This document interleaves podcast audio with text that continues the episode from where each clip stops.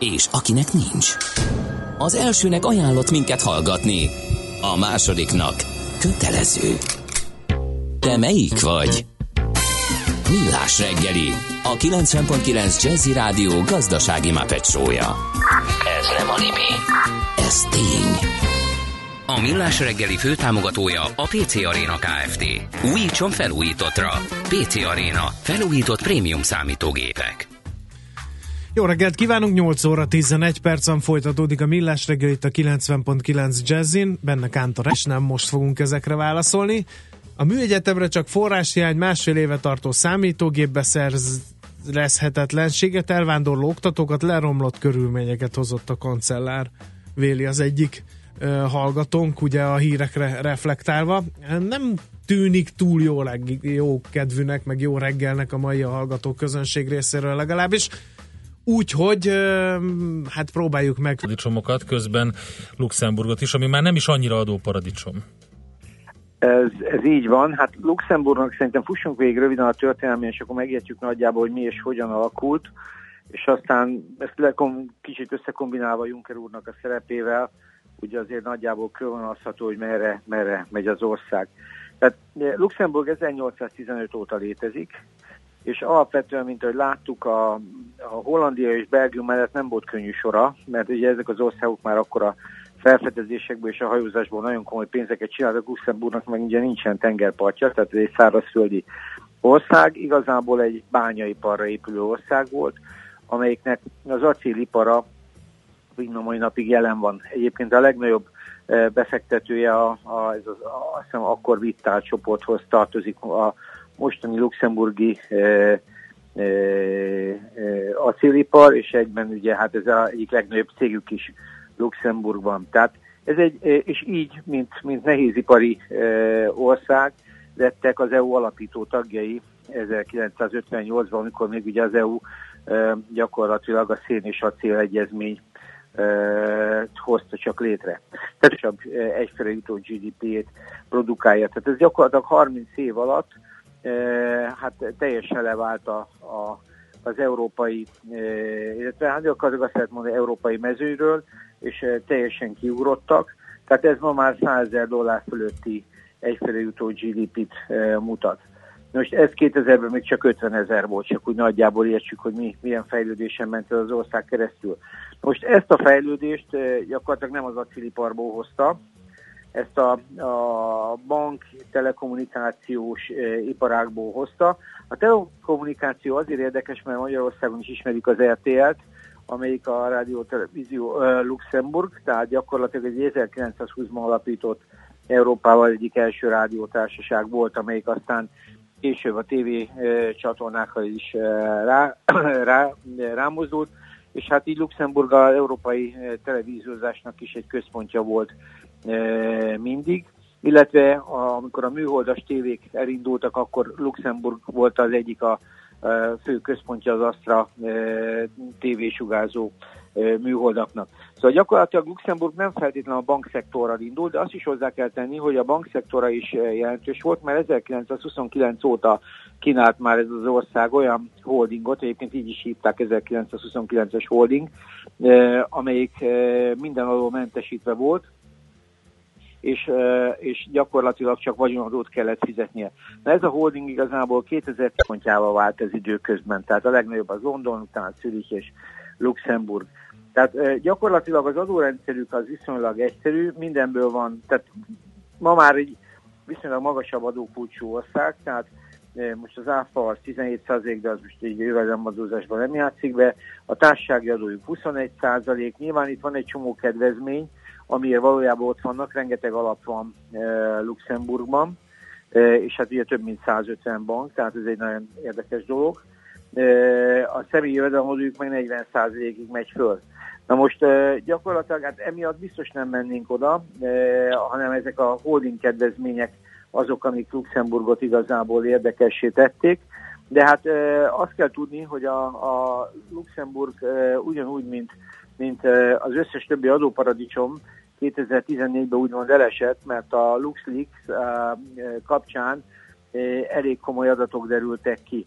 És hát ugye, ahogy látjuk a, a fejlődéséből, gyakorlatilag ide nagyon-nagyon sok cég tette le a, a, a hát valamilyen szintű központját, ami nem gyakorlati központ volt, hanem igazából csak elszámolás technikai központ, és hát ezek, ezek a LuxLeak óta folyamatos nyomás alatt vannak, tehát Starbucks-tól kezdve és így tovább, de hogy ezek, ezek tegyenek e, valahogy rendet. Ez, ennek az egész történetnek az igazi pikantériája az a e, Jean-Claude Juncker személyhez fűződik, aki 2009-ig e, gyakorlatilag a meghatározó tíz évben e, Luxemburgnak a pénzügyminisztere volt, aztán aztán később miniszterelnöke, ami hát azt jelenti, hogy ő ebben masszívan e, részt vett. A LuxLeakról meg annyit kell tudni, hogy hát gyakorlatilag az egy e, nagyon komoly 2014-es e, történet, ott ugye 13 óta szinte évente jönnek ki ezek a botrányok, tehát 13-ban volt egy offshore botrány, 14-ben jött a Luxemburg, 15-ben jött egy HSBC, 16-ban volt a Panama Papers, és ugye nemrég beszéltünk a Paradise Paperről, tehát gyakorlatilag azt kell tudni, hogy a, a LuxLeak az nagyon-nagyon ütött uh, Luxemburgon, de hát gyakorlatilag föltálta azokat a speciális szabályozásokat, amelyekről ez az ország mélyen hallgatott. És hát uh, gyakorlatilag ezzel Európán belül is, mert ez volt az első Európán belüli uh, ilyen uh, gyakorlatilag offshore uh, feltárt ügy, ezzel gyakorlatilag elindított egy csomó olyan belső adójogi változást, amiről lehet érdemes lenne egy külön, külön is beszélnünk, ez a BEPS, a Bézer Holding, mondjuk ha a 29-es holdingot veszük alapul, akkor majdnem, majdnem 90 éves fejlődés volt, vagy 80 éves fejlődés volt ebben. De én, én úgy gondolom, hogy Luxemburg ma már, ma már azért egy kicsit más. Egyrészt tudjuk, hogy szolgáltatói szempontból pont a, a, a, a, az értékei miatt nagyon drága, úgy, ahogy mondod, pénzügyi piacoknál nagyon, nagyon megkerülhetetlen ma már a jó infrastruktúrája miatt, tehát nagyon szívesen visznek ide alapokat, mert viszonylag ez egy baromi erős pénzügyi szolgáltató központtá vált ez a terület. Hogy mit fog hozni a jövő, azt nagyon nehéz még megítélni. Az biztos, hogy nem fognak visszatérni a bányászathoz, tehát azt nem gondolom, hogy a bankszektor olyan hanyatlásnak indulna, de biztos, hogy sokkal szabályozottabb, sokkal szabályozottabb környezet lesz és hát gyakorlatilag amit ők kínálnak ma adójogilag, azt már sokan, sokan mások is kínálják, és ugye, ahogy mondod, főleg ezek az infrastruktúrális előnyök, meg hát az a bizalom, az a 10-20-30-40-50 év, az adja meg Luxemburgnak a mai napig az igazi, igazi előnyét, erejét. Oké, okay, Zoli, nagyon szépen köszönjük az összefoglalót Luxemburg gazdasága, kicsit történelme, adójogok szempontjából, és akkor megnézzük, hogy hogy állunk külpolitikailag. Jó munkát nektek, szervusz! Köszönöm, sziasztok!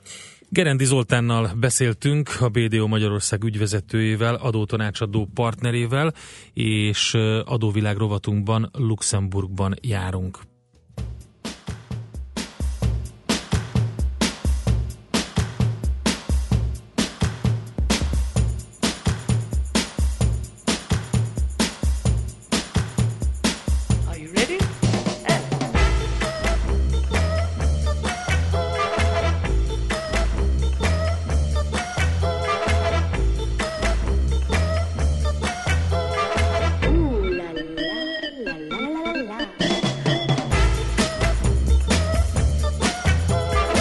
Mondják neki, hogy Jean-Claude nem ilyen voltál régen, amikor az minden az együtt vacsoráztunk. Az teljesen, teljesen máshogy telt. Nem ez lett ígérve.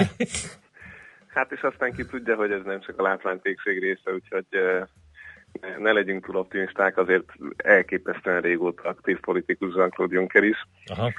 És hát most, hogy őt vádolják ezzel, hogy túl, túl akarja szabályozni a Brexit kapcsán ennek az apropóján az európai pénzpiacokat, na hát ott azért e, nyilván még más politikai elképzelések is vannak. Na mindegy, a lényeg az az, hogy egyébként a litván, e, például NATO jelenlétben ott vannak a luxemburgi katonák, de már voltak Koszovóban, sőt még a koreai háborúban is egy belga e, osztakhoz csatlakozva. Tehát, hogy ilyen szempontból katonailag is van kis jelenlétük, diplomáciailag kőkemény jelenlét, Ugye korábban Juncker a, a Eurogroupnak, tehát az Európai Unióban az eurót használó országok csoportjának e, volt a vezetője.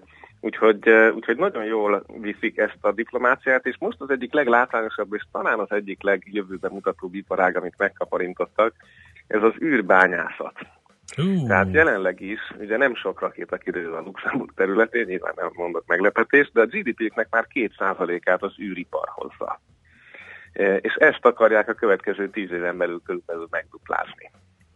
Mert hogy ők azok, akik e, ugye szemben az Egyesült Államokkal bizonyos befektetésekben nem korlátozzák azt, hogy milyen pénz áramolhat az űriparba, e, és hát van komoly széltucatnyi cég, akik már innen intézik a globális űripari működésüket, és most pedig az űrbányászat irányába kanyarodnak.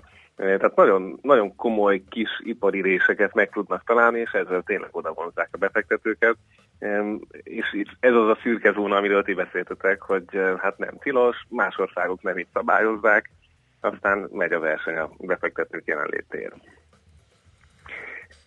Emellett pedig az érdekes, hogy miközben gondolkoznak ezen, hogy a jövőben mit lehet csinálni, és uh, hogyan tudják megtartani ezt a státusukat, amit, amit uh, volt miniszterelnökük próbál azért picit radírozgatni. Uh, például most fogadtak el egy nyelvi kulturális törvényt. Tehát nem, nem, nem egy ilyen um, kimosott országról van szó, hanem abszolút most erősítik meg a luxemburgi nyelvet, hogy ennek kulturális központja legyen, ösztöndíjai legyenek, és valamilyen módon a médiában is erősebben meg tudjon jelenni. Erről most konzultáció van, 20 éves terv születik. Tehát ha úgy tetszik, akkor azért az a talán frankofonokra jellemző nyelvi öntudat ugyanúgy megtalálható Luxemburgban is, és éppen uh-huh. most egy eh, baloldalinak tekinthető kormány uh, ezt a törvényt vinni. Nincs Európán belül túl reprezentálva méreteihez képest ez a parányi kis ország? És ez minek köszönhető, ha túl van reprezentálva persze? Hát annak, hogy alapítótag volt ő mindenben. Tehát nagyon-nagyon ügyesen, eh, ugye a Benelux államok már benne voltak az európai közösségek alapításakor mindenben, és ebből aztán szépen fel tudták magukat építeni, és azt is hozzá kell tenni, hogy maguk a Benelux államok is milyen régóta összefogtak. Tehát ez is egy olyan államszövetség, amit, amit mi csak így elhadarunk, hogy Benelux, de emögött nagyon komoly intézményrendszer van, nagyon komoly feladatmegosztásokkal, és közös bírósággal, mindenféle mással, ami, ami egyszerűen ezt a három országot nagyon szépen megerősítette ott Franciaország és Németország között. Tehát az ő történelmük erről szólt, hogy ha csak nem csinálnak valamit, akkor ledarálja őket, és ez megtörtént kétszer e, ugye keletről nyugati irányban az ő országaikkal, és ezt nagyon szépen ezt a leckét vették, összefogtak, e, és ez Luxemburgot is arányosan erősítette. Tehát ez mutatja, hogy egy országok összefogása az milyen mértékben tud akár egy ilyen tényleg öt budapestnyi területű, eh, negyed budapestnyi lakosságú országot feltenni a világpolitika térképére. Hm.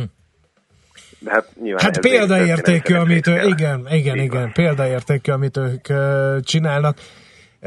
A Juncker vezette Európai Unió mennyire jó megítélés, mert azért fura húzásai vannak ennek a az embernek. Ugye már említettük azt, hogy élen jártak az adóoptimalizálásba, fogalmazunk finoman, aztán most élen járnak az adóoptimalizálás elleni küzdelemben. Meg hát így paskolgat embereket Juncker, tehát hátba vág embereket, olyan fura gesztusai vannak, meg, meg fura kiszólásai. Hát Merkel, Merkel egyik vitatható kompromisszuma volt Juncker, Ugye abban az európai választási évben döntötték el, hogy akkor az európai pártok vezetőjelöltjei, a Spitzen kandidátok lesznek azok, akik eh, automatikusan megkaphatják jelölséget, és igazából nem találtak más kompromisszumos felet. Tehát Luxemburg és a kisországok egyik diplomáciai esélye, hogy amikor a egyik nagy sem meri a saját emberét beletenni egy cégbe, vagy nincs elég szék, hogy minden nagynak jusson, akkor inkább választanak egy darab kicsit. Eh, tehát ez, ez működött Junckernél is, és hát egy kipróbált figura volt, amit pontosan azt a kreativitást viszont nem hozta, amire alig, hanem az Európai Uniónak égető szüksége lenne. Tehát egy nagyon politikai bizottságot hozott, eh, gyakorlatilag előtte Juncker egy titkosszolgálati botrányban megbukott a saját országában. Tehát azért nem, nem lehet azt mondani, hogy egy kis fölfelé buktatás nem volt ebben benne. Hát ez az a, ez az a trükk és mutatvány, ami most tegnap estére nem sikerült Angela Merkelnek egyébként a saját országában hiszen összeomlottak a koalíciós tárgyalások, de ez még sikerült neki a legutóbbi európai választásokon Juncker személyében. Mennyire uh, próbálja domborítani azt Luxemburg, vagy mennyire próbálja elrejteni, te említetted a nyelvnek, ugye a francia, a német és a hivatalos és a, és a luxemburgi uh, a nyelvben erősítenek most, hogy uh, mennyire próbálják domborítani azt, hogy ez egy nagy hercegség. Hát gyakorlatilag a világ egyetlen szuverén nagy hercegsége. Így van, tehát ők az egyedülik, akik ebben a titulusban szuverének, és a nagyherceg Henri pedig eh, tulajdonképpen ez egy annyira pici parlament, annyira pici politikai közösség, hogy, hogy ő is egy élő szerepet visz. Tehát nem kell úgy elképzelni, mint mondjuk a brit királynőt, hogy eh, hivatalos ünnepeken meg egy-két nagy beszéd, hanem, hanem egy picit közvetlenebb, eh, picit élőbb az ő szerepe, meg hát eleve, aki járt Luxemburgban látja, hogy maga a városka is nagyon picit, tehát itt nem egy óriási Igen. metropolisról beszélünk.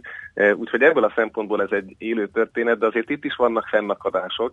Legutóbb 2008-ban kellett felfüggeszteni egy picit az ő hercegségét, mert hogy ekkor talán abortusz vagy eutanázia, most kettő között hezitálnék, tehát egy e, ilyen tipikus etikailag nehéz ügyben nem akarta aláírni a parlament által elfogadott alapvetően liberális irányba változtató törvényt, és ekkor az volt a megoldás a Junckernek, már akkor is szerette a jogszabályok csűrését, csavarását, hogy végül is eh, hát volt egy ilyen joga alkotmány szerint az uralkodónak, hogy nem fogad el egy törvényt, nem hirdetik ki. Úgyhogy inkább felfüggesztették egy picit, mint hogy alkotmányt módosítsanak, azzal, aki hirdették a törvényt, majd visszahelyezték uralkodói székébe. Hát, Tehát... Na, van ilyen előfordul. Azért trükkök, trükköket lehet tanulni Junckertől. Oké, okay, oké, okay, Boton, nagyon szépen köszönjük neked Luxemburgról, és akkor kicsit többet tudunk. Figyelni fogjuk akkor ezeket, a, akikről nem tudjuk, hogy luxemburgiak, de mégis vannak egy páran ilyenek. És a mégiscsak ott vannak. luxemburgiakat is az űrben mit bányásznak. Igen. Úgyhogy köszönjük szépen. Botont, jó munkát, szép Köszönöm napot neked. nektek is szervusztok. Dr. Feledi Botont külpolitikai szakértővel vizsgáltuk Luxemburgot adóvilágrovatunkban. Ma sem maradtunk semmivel adósak. A Millás reggeli világjáró adórovat a hangzott el. Jövő héten ismét adóvilág, mert semmi sem biztos, csak az adó. Valahol még az sem. Műsorunkban termék megjelenítést hallhattak. Van még élet a bonsai kerítésen is túl. Japán fantasztikus hely, izgalmas kultúra, ahol mindig többet kapsz, mint amire számítottál. Lépj le hozzánk minden kedden reggel 3.48-kor, és éld át a kulturális cunamit, hogy megértsd, a sushi nem hal, a wasabi nem mustár, a mikado nem játék. Kaizen Dojo. A rovat támogatója a japán specialista utazási iroda Tumlare Corporation Hungary Kft. Vakarimasu. Rövid hírek a 90.9 Jazzin. Az elmúlt hat évben majdnem másfél évvel csökkent a mentőautók átlag életkora. Rétvári Bence az Emberi Erőforrások Minisztériuma parlamenti államtitkára jelezte, ezzel a 20%-os csökkenéssel a mentőautók fele olyan idősek, mint a használatban lévő más autók. A jogszabály 13 évben maximálja a mentőautók átlag életkorát, az idén beszerzett mentőautók műszakilag és felszereltségükben is korszerűbbek a korábban vásárolt járműveknél, tette hozzá a politikus. Közben a Magyar Nemzet értesülései szerint több mint 5 millió forinttal többe kerülnek az idén beszerzett mentők a tavalyiaknál. Azt azonban nem tudni, hogy miért van szükség olyan plusz felszerelésekre, amelyek tavaly még nem hiányoztak az akkor megvásárolt 80 mentőautóból.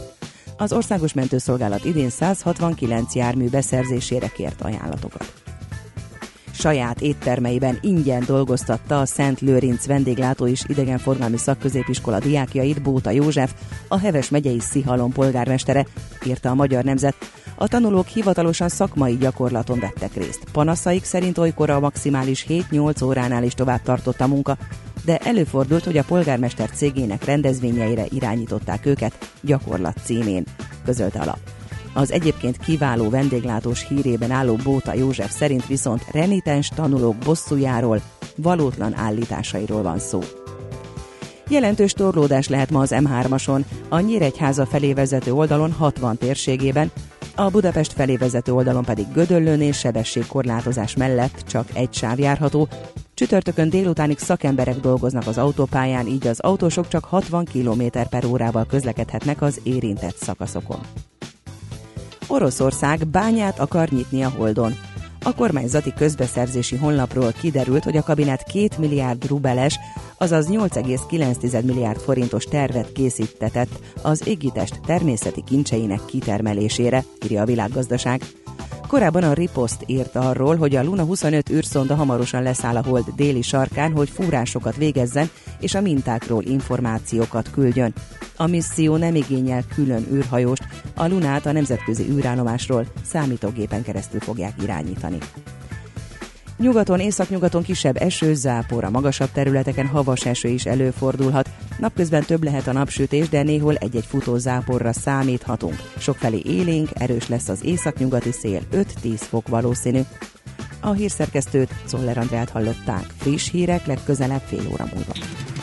Budapest legfrissebb közlekedési hírei, itt a 90.9 jazz Budapesten tart a helyszínelés a Robert Károly körúton a Rákóczi híd irányában a Váci úti felüljáró alatt. A jelzőlámpák továbbra is sárgán villognak, a forgalmat rendőr irányítja. Baleset nehezíti a közlekedést az Erzsébet híd Pestre vezető oldalán. Torlódásra számíthatnak a Hegyalja út Erzsébet híd útvonalon. Nehezen lehet előre jutni a Szélkámán térre vezető utakon, a Budai alsó rakparton a Szépvölgyi útvonalától délre, a Pesti alsó rakparton a Dráva utcától délfelé, a Szabadsághídtól északra, a Mészáros utca alagút útvonalon, a Láncidon mindkét irányban. Akadozik a haladás a Hungária körúton, a Tököli út és a Kerepesi út között mindkét irányban, a Kerepesi úton és a Fogarasi úton befelé a közös csomópont előtt, a Könyves Kálmán körúton a Kőbányai út és az Ülői út között szintén mindkét irányban. Szép Csilla BKK Info. A hírek után már is folytatódik a millás reggeli, itt a 90.9 jazz Következő műsorunkban termék megjelenítést hallhatnak.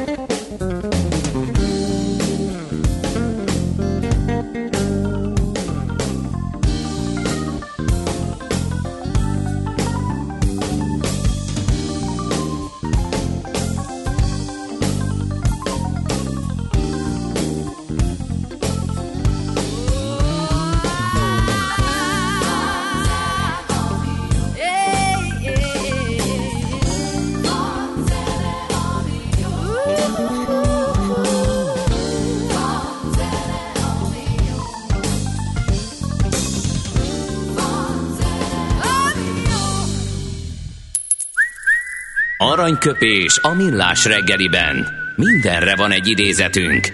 Ez megspórolja az eredeti gondolatokat. De nem mind arany, ami fényli. Lehet kedvező körülmények közt gyémánt is. 1953. november 20-án született Fábri Sándor, nem kell őt bemutatni, azt hiszem, és tőle Azt választottuk. Tudod, hogy 1997-ben, 2001-ben, 2006-ban és 2007-ben is Bonbon díjas lett. Az micsoda? Nem tudom, de Most ezt olvastam, olvastam Elő- először, kérlek de- szépen az életrajzában. No, kérem szépen, tehát tőle választottunk aranyköpést, mely így hangzik, ha soha nem lövünk túl a célon, valószínűség, valószínűséggel soha el sem találjuk.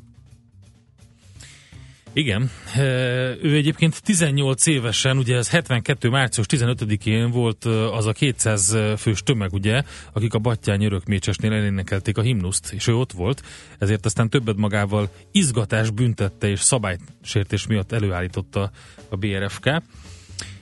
És emiatt az MSZMP Központi Bizottság Tudományos, Kulturális és Közoktatási Osztálya nem javasolta egyetemi továbbtanulásra őt annak idején. Egyébként egy másik érdekesség, hogy nem tudom, tudod-e, hogy hogy úgy gondolja, hogy Magyarországon hibásan vezették be a kapitalizmust, ha már pénzügyi műsor vagyunk, és hogy a magyar emberek mentálisan szerintem még a szocializmusban ragadtak, és ezért a jelenlegi rendszert kacializmusnak nevezte el Fábri Sándor. Hát nekem megmaradt az örökbecsű design centere, aminek több részét még annak idején a közszolgálati tévében is lehetett látni, amikor bement különböző ilyen éttermekbe, és akkor ott elmondta, hogy milyen stílust láthatunk, vagy sőt, volt ugye az a az a mobil garázs-szerűség, ugye az nagyon klassz volt, egy ilyen alumínium vázra rá volt húzva egy ilyen ponyva, arról is tartott egy ilyen design centert. És azt én budai zöldövezetekben is hány ilyet látok Igen. még a mai Igen. napig? Úgyhogy Fábri Sándornak nagyon boldog születésnapot kívánunk. Aranyköpés hangzott el a millás reggeliben. Ne feledd, tanulni ezüst, megjegyezni arany. Nem játszódsz, nem játszódunk de, játszódunk akkor nézzük mindjárt. meg, uh, hogy mit írnak a hallgatók. Az M3-as meglesz, megleptél ezzel a csenddel a lekonfután. Az M3-as bevezette a Nagy Lajostól egész jól járható, de az Árpád híd felé, felé vezető sáv az Araszol Biza, írja a hallgató. Aztán mi van még itt, nézzük. Főhadnagy írt, nekünk, de előtte egy másik információ, a gyorsforgalmi kifelé Kuka, és mellette a Gyömrői is az. A Szentendrei úton befelé a Kagylós kúttól araszolunk, ez szomorú, írja a főhadnagy. Aztán mi van még itt nekünk? Barbírt ebben a pillanatban Hungária áll a kacsó útjától az Árpádig.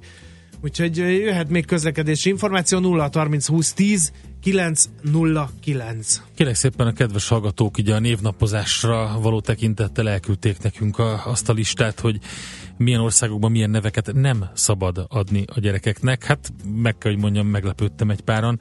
E, Például azt mondja, hogy Svájcban vannak, vannak olyan bibliai nevek, amiket bizonyos országban nem lehet adni. Például Svájcban és Új-Zélandon sem szabad Lucifernek nevezni gyermekünket, illetve, mert ugye vannak olyan szülők, akiknek semmi sem szent, vagy mindenre képesek. Svájcban például Júdásnak sem szabad a porontyot elnevezni.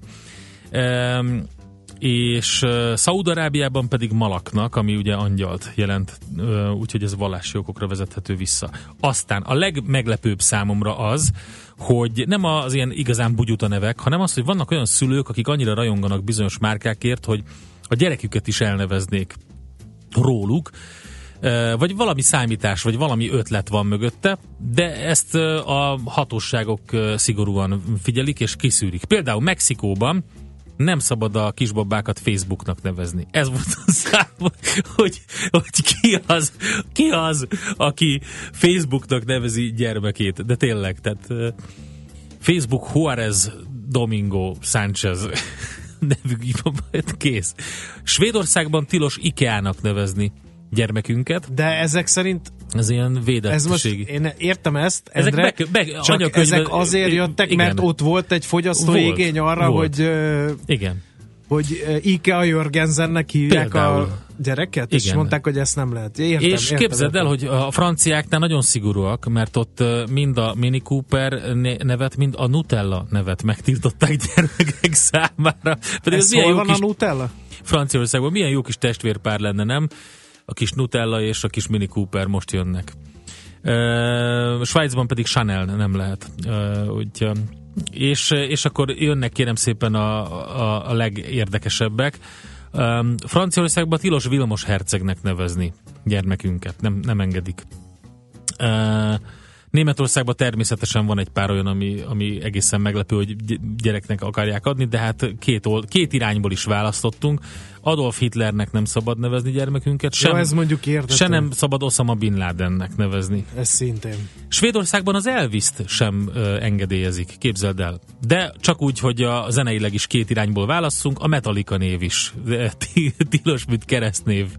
És akkor vissza Mexikóba, ahol akármennyire szeretjük a filmeket, és vagyunk filmrajongók, és szeretnénk, hogy a gyermekünk szuperhős lenne, vagy nagyon erős ember, sem Batman, sem Rambo névre nem lehet őket keresztelni.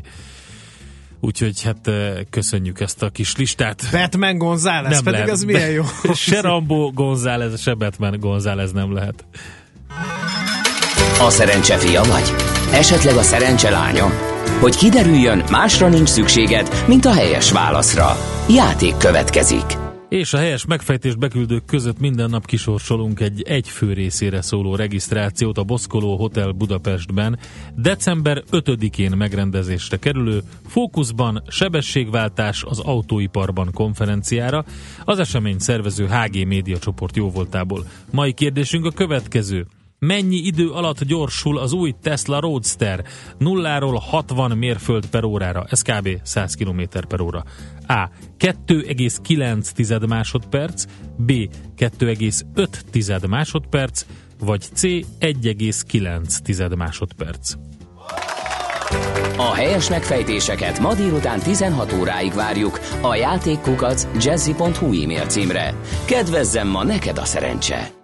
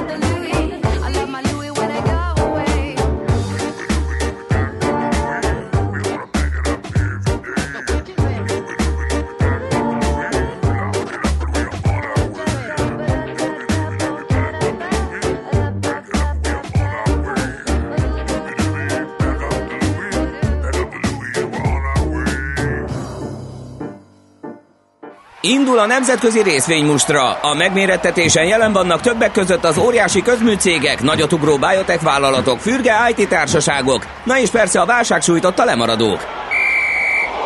Az esélyekről szakértőinket kérdezzük. Kapcsoljuk a stúdiót. A vonalban pedig eh, itt van velünk nem más, mint Varjú Péter, az Erste befektetési ZRT igazgatója. Szervusz, jó reggelt kívánunk! Sziasztok, jó reggelt, üdvözlöm a hallgatókat! Na, hát akkor nézzük meg, hogy milyen hangulatban nyitott a Európa pozitívum, negatívum. Hát Japán nem túl sok jóval szolgált. Hát Európa is meglehetősen ö, fonnyattan fog nyitni, hogy ezt a szót használjam. Ez itt ilyen körülbelül 0,7%-os mínusz látunk a német ö, határidős árjegyzésbe, vagy egészen ö, határozottan német ö, történet az oka, ugyanis már biztos beszéltetek már róla, de már összeomlott Merkelnek a tervezett ö, koalíciója. Kiléptek belőle az FDP és az zöldekkel együtt már nem fog tudni kormányozni, úgyhogy ezt most már be is jelentette és hát nagyon izgatottan várja a piac, hogy, hogy mi lesz ez egy taktikai húzás, amivel valahogy mégiscsak sikerül majd valami koalíciós partnert keresni, de ez viszonylag hát nem nagyon látunk egyelőre senkit, aki, aki hajlandó lenne erre, vagy pedig újabb választások lesznek Németországban, és, uh-huh. és, és és hát megint izgulhatunk. Ugye? Megint hát igen, a bizonytalanság az semmiképpen nem jó. Így van, az instabil, bizonytalanság, instabilitás, arra most akkor gondolom várni fognak. Akkor a vállalati hírek azok, amik talán uh, valamiféle fellélegzést jelenthetnek. Hát ilyenkor azért, azért valószínűleg a makro miatt eléggé rossz hangulat lesz Európában is, és Amerika sem segít, ugye ott is az adó reform uh-huh. körüli húzavona, hogy az első talán, vagy az első olyan intézkedés, ami talán a Trump ígéretekből összejöhetne, hát az is kezd nagyon billegni, mert most már tényleg a, a 50 szavazat kell ahhoz, hogy, hogy átmenjen a, az ő adó reform, és az 52 republikánus jelöltből már ketten jelezték, hogy nekik ez így nem tetszik, tehát hogy, hogy az is nagyon, nagyon pengélem van, hogy á, sikerül-e átvinni. Ugye azért németországi problémák azért nagyon komolyak tudnak lenni, bár jelzem, hogy az euró az nem, egy picit így megrogyott erre a hírre, de nem omlott azért össze. Tehát egy, egy, ha dollárra szemben nézzük, akkor nem is tudom, talán egy 50-60 pippel vagyunk csupán lejjebb, ami szinte azt mondom, egy szokásos napi mozgásnak is betudható. De azért a németeknek nem segít a 13 ezer pont környékén, nem nagyon tud megragadni a DAX, az akkor ez elég rossz hír lesz. Itt volt egy nagyon komoly bázisa, hogyha ezt elejti, akkor az viszonylag tágtér tud megnyílni lefelé. Ugye erre szerintem mindenképp érdemes figyelni annyira azért megijedni nem kell, mert októberben már jártunk ezeken a szinteken, ahol most vagyunk, igazából október szinte azt mondom, hogy szeptember vége és október vége között, tehát szinte egész októbert ezen a 100 ponton belül töltötte mindenhova most visszaesni készül. Ennek a szintnek az eleste azért nagyon fontos. Persze egyedi híreket ilyenkor érdemes nézni, hát nem is tudom, pozitívat, piciket találtam nektek, pozitívat csupán kettőt a vízerre járatok sűrítéséről, illetve új útvonalak bevezetéséről beszélt, és ez nyilván annak a stratégiák a része, amit a múlt héten mondott, hogy 146 új airbus rendel, melynek 70%-a jövőben növekedést fogja szolgálni. Ez igazából ebbe a hír folyamba csatlakozik be.